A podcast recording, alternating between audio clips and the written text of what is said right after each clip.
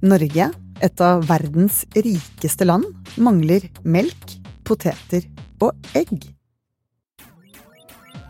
Butikkene har hatt tomme egghyller, det brukes utenlandsk melk i yoghurten, og i tillegg går det nå rykter om potetmangel i mars.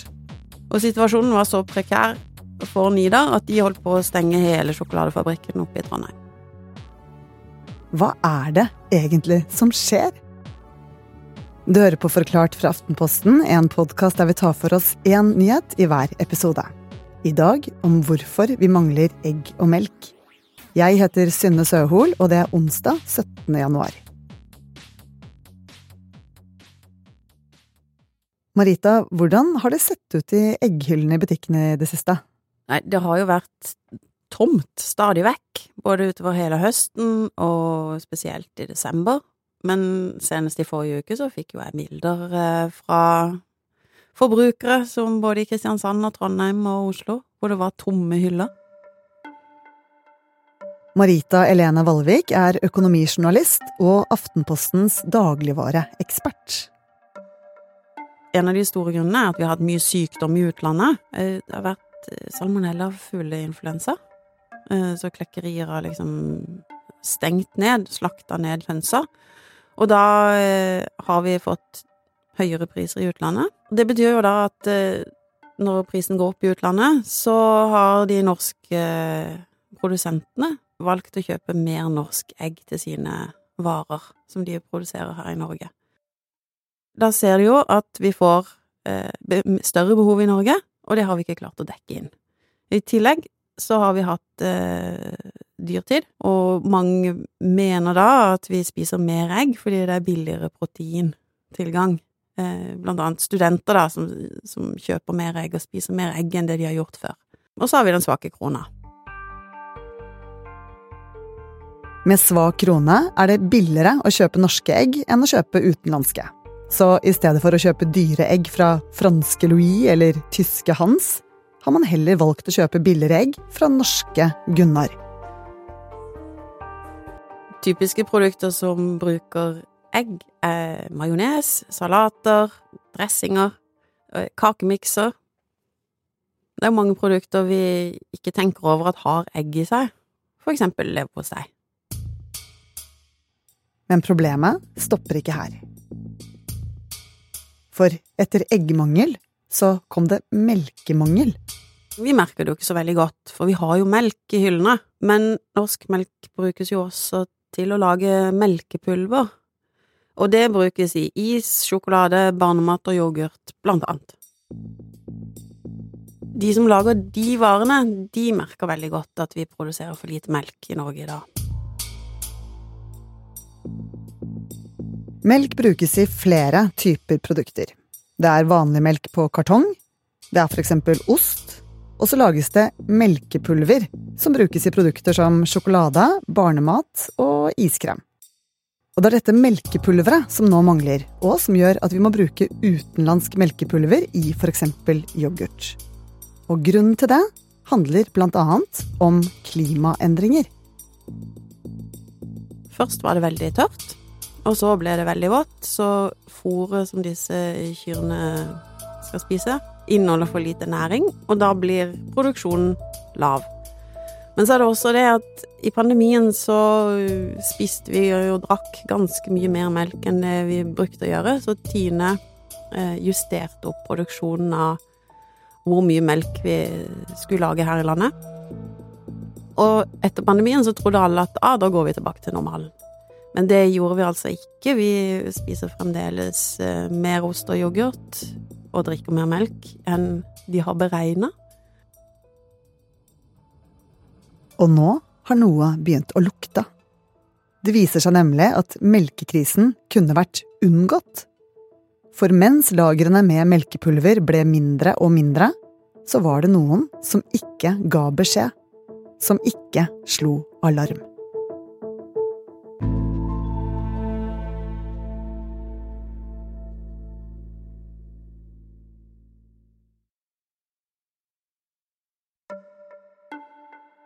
Marita, hvordan har reaksjonene vært på egg- og melkemangel?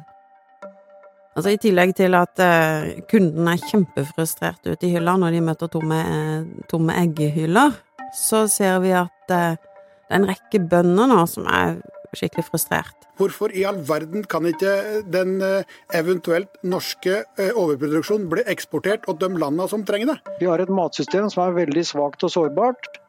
Um, og det, det, er dere som sitter oppe i den øverste etasjen på Nordtorget, tror dere må komme dere ned på bakken. Og noen har til og med da gjennom høsten produsert for mye melk, eh, og har dermed måte betalt det de kaller en sånn overproduksjonsavgift.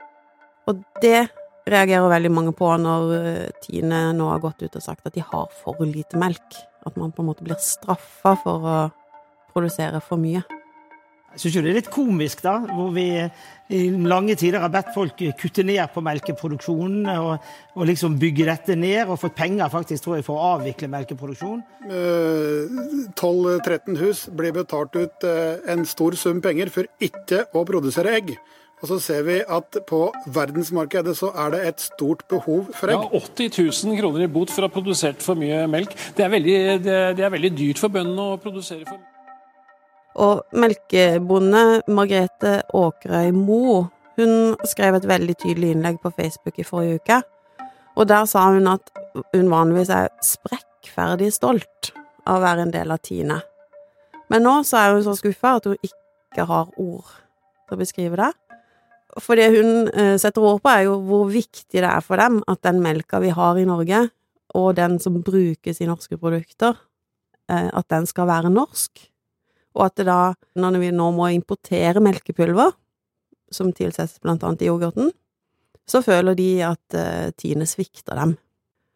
Folk er jo sinte, og de føler seg lurt. Dette Nyt Norge-merket skal jo være en garanti for at det er et norsk, uh, helnorsk produkt, brukt bare norske råvarer, produsert bare i Norge. Og så skal Tine få dispensasjon og putte dette tyske melkepulveret inn i en yoghurt som er merka Nyt Norge, da blir kundene eh, veldig frustrert, og man mister på en måte tilliten til hele merkeordningen. Tine lager ikke bare melk, rømme og ost. De skal også følge med på hvor mye vi kjøper av melkeprodukter, altså tilbud og etterspørsel. Disse tallene leveres til Landbruksdirektoratet, som igjen melder fra til Landbruksdepartementet. Her ser de litt på tallene, gjør noen beregninger, og så gir de beskjed til Tine om hvor mye melk som skal produseres. Deretter tar Tine og deler ut melkekvoter til sine bønder.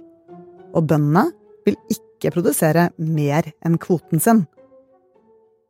Når bonden produserer mer enn det han har fått lov til i utgangspunktet, så blir det eh, et slags sånn straffegebyr. De må betale en ekstraregning, akkurat som en bonden som vi snakka om tidligere, fortalte, så fikk hun en stor ekstraregning. Og derfor så justerte hun da ned produksjonen sin. Først så prøvde hun å gi dem litt mindre fôr og justere litt sånn piano-piano. Eh, men det holdt ikke, så hun endte opp med å slakte noen av sine melkekyr. Først så må du ha en kalv, og den må jo bli gammel nok til å få en kalv selv. Og så da settes eh, melkeproduksjonen i gang. Det tar eh, minst to år. Det er så mye lettere å kutte produksjonen enn å øke, og derfor er det så mange som synes at det er så utrolig dumt at man har sendt disse melkekyra til slakt når man samtidig mangler melk i Norge. Mange av de bøndene som nå har slakta dyr, fikk jo heller ikke beskjed om at det var behov for mer melk fra 1. januar i år. Er det det samme med egg? Det er jo ikke helt lik eh, Det tar jo ikke like lang tid å få produksjon av egg som det gjør med melk. Men det er jo også sånn at eh, i høst så ble flere bønder betalt ekstra for å slakte høns som la egg. Og det er også veldig rart når vi ser liksom at her mangler vi egg. Så man, det er jo ikke rart at folk lurer på hvem er det som bestemmer dette her, hvordan, går, hvordan foregår disse beslutningene, hva er det egentlig som skjer? Så disse beregningene handler om å se inn i fremtiden. De regner f.eks. med at nordmenn spiser mer ost til påske og mer smør før jul. Men nå hevdes det at noen har sovet i timen. Men det som kanskje er det mest alvorlige med dette, er jo at folk flest, og bøndene, eh, og produsentene, mister tilliten til de som skal styre dette her. For allerede i mai-juni så så Tine, som regulerer dette markedet, at det ville være for lite melk utover høsten. Og da ser de at eh, lageret av melkepulver, det minker. De gjør noen tiltak, men det viser seg at ikke det er nok. Og nå begynner trøbbelet for alvor. For det var Tines jobb å gi alle beskjed om at det ikke var nok melk. Men den beskjeden fikk ikke alle. I hvert fall ikke samtidig. Og så er det sånn at den e-posten med den beskjeden om at vi hadde for lite melkepulver, den gikk bare til noen aktører i markedet, de som produserer ost. Og det gjør Freia. Og derfor så visste Freia at det kom til å bli for lite pulver til deres sjokoladeproduksjon på Rodeløkka, mens Nidar, som produserer sin norske sjokolade i Trondheim, fikk ikke beskjed. Det gikk hele tre uker før de fikk beskjed. Og situasjonen var så prekær for Nidar at de holdt på å stenge hele sjokoladefabrikken oppe i Trondheim. Det har gått så langt at Tine har blitt anklaget for innsidehandel. At de har holdt tilbake informasjon for å skaffe seg et fortrinn. Jeg har snakket med en professor, eh, Erling Hjelmeng. Han hevder at Tine som markedsregulator har informasjon som ikke blir delt med de andre. Og derfor så får Tine da et fortrinn, mener han.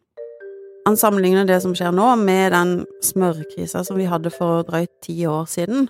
Da ble Tine beskyldt for å nærmest støvsuge det utenlandske markedet for smør, og importere det til Norge, før de andre aktørene i markedet visste at det var et problem.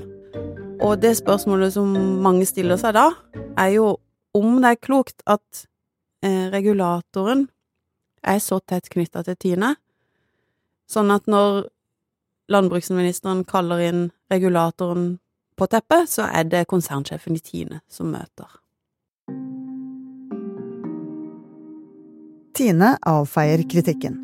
Til Aftenposten skriver de at de avviser at prosessen kan sammenlignes med innsidehandel, og mener ingen europeiske meierimarkeder er mer transparente enn den norske.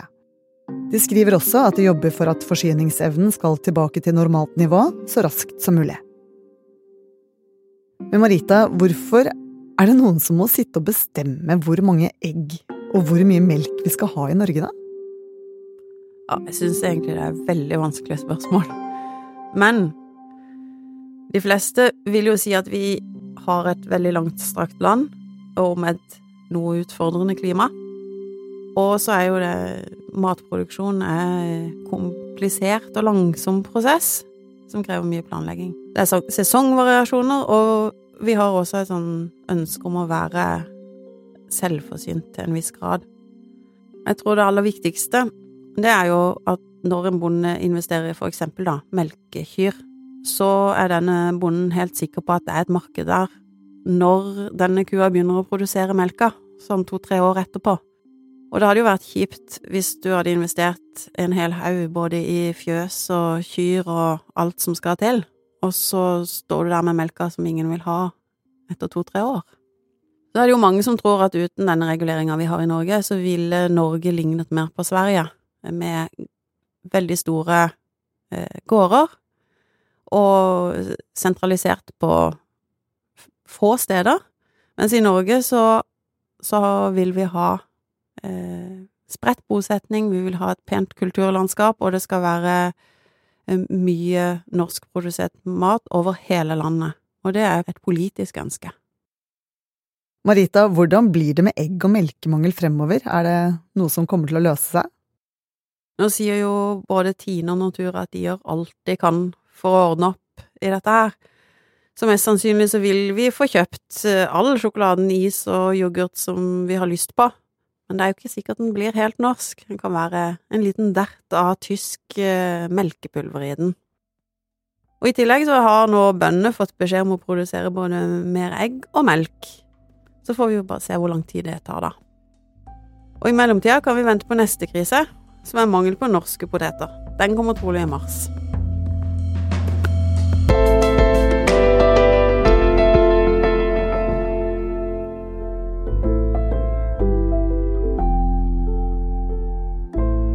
Du har hørt en podkast fra Aftenposten.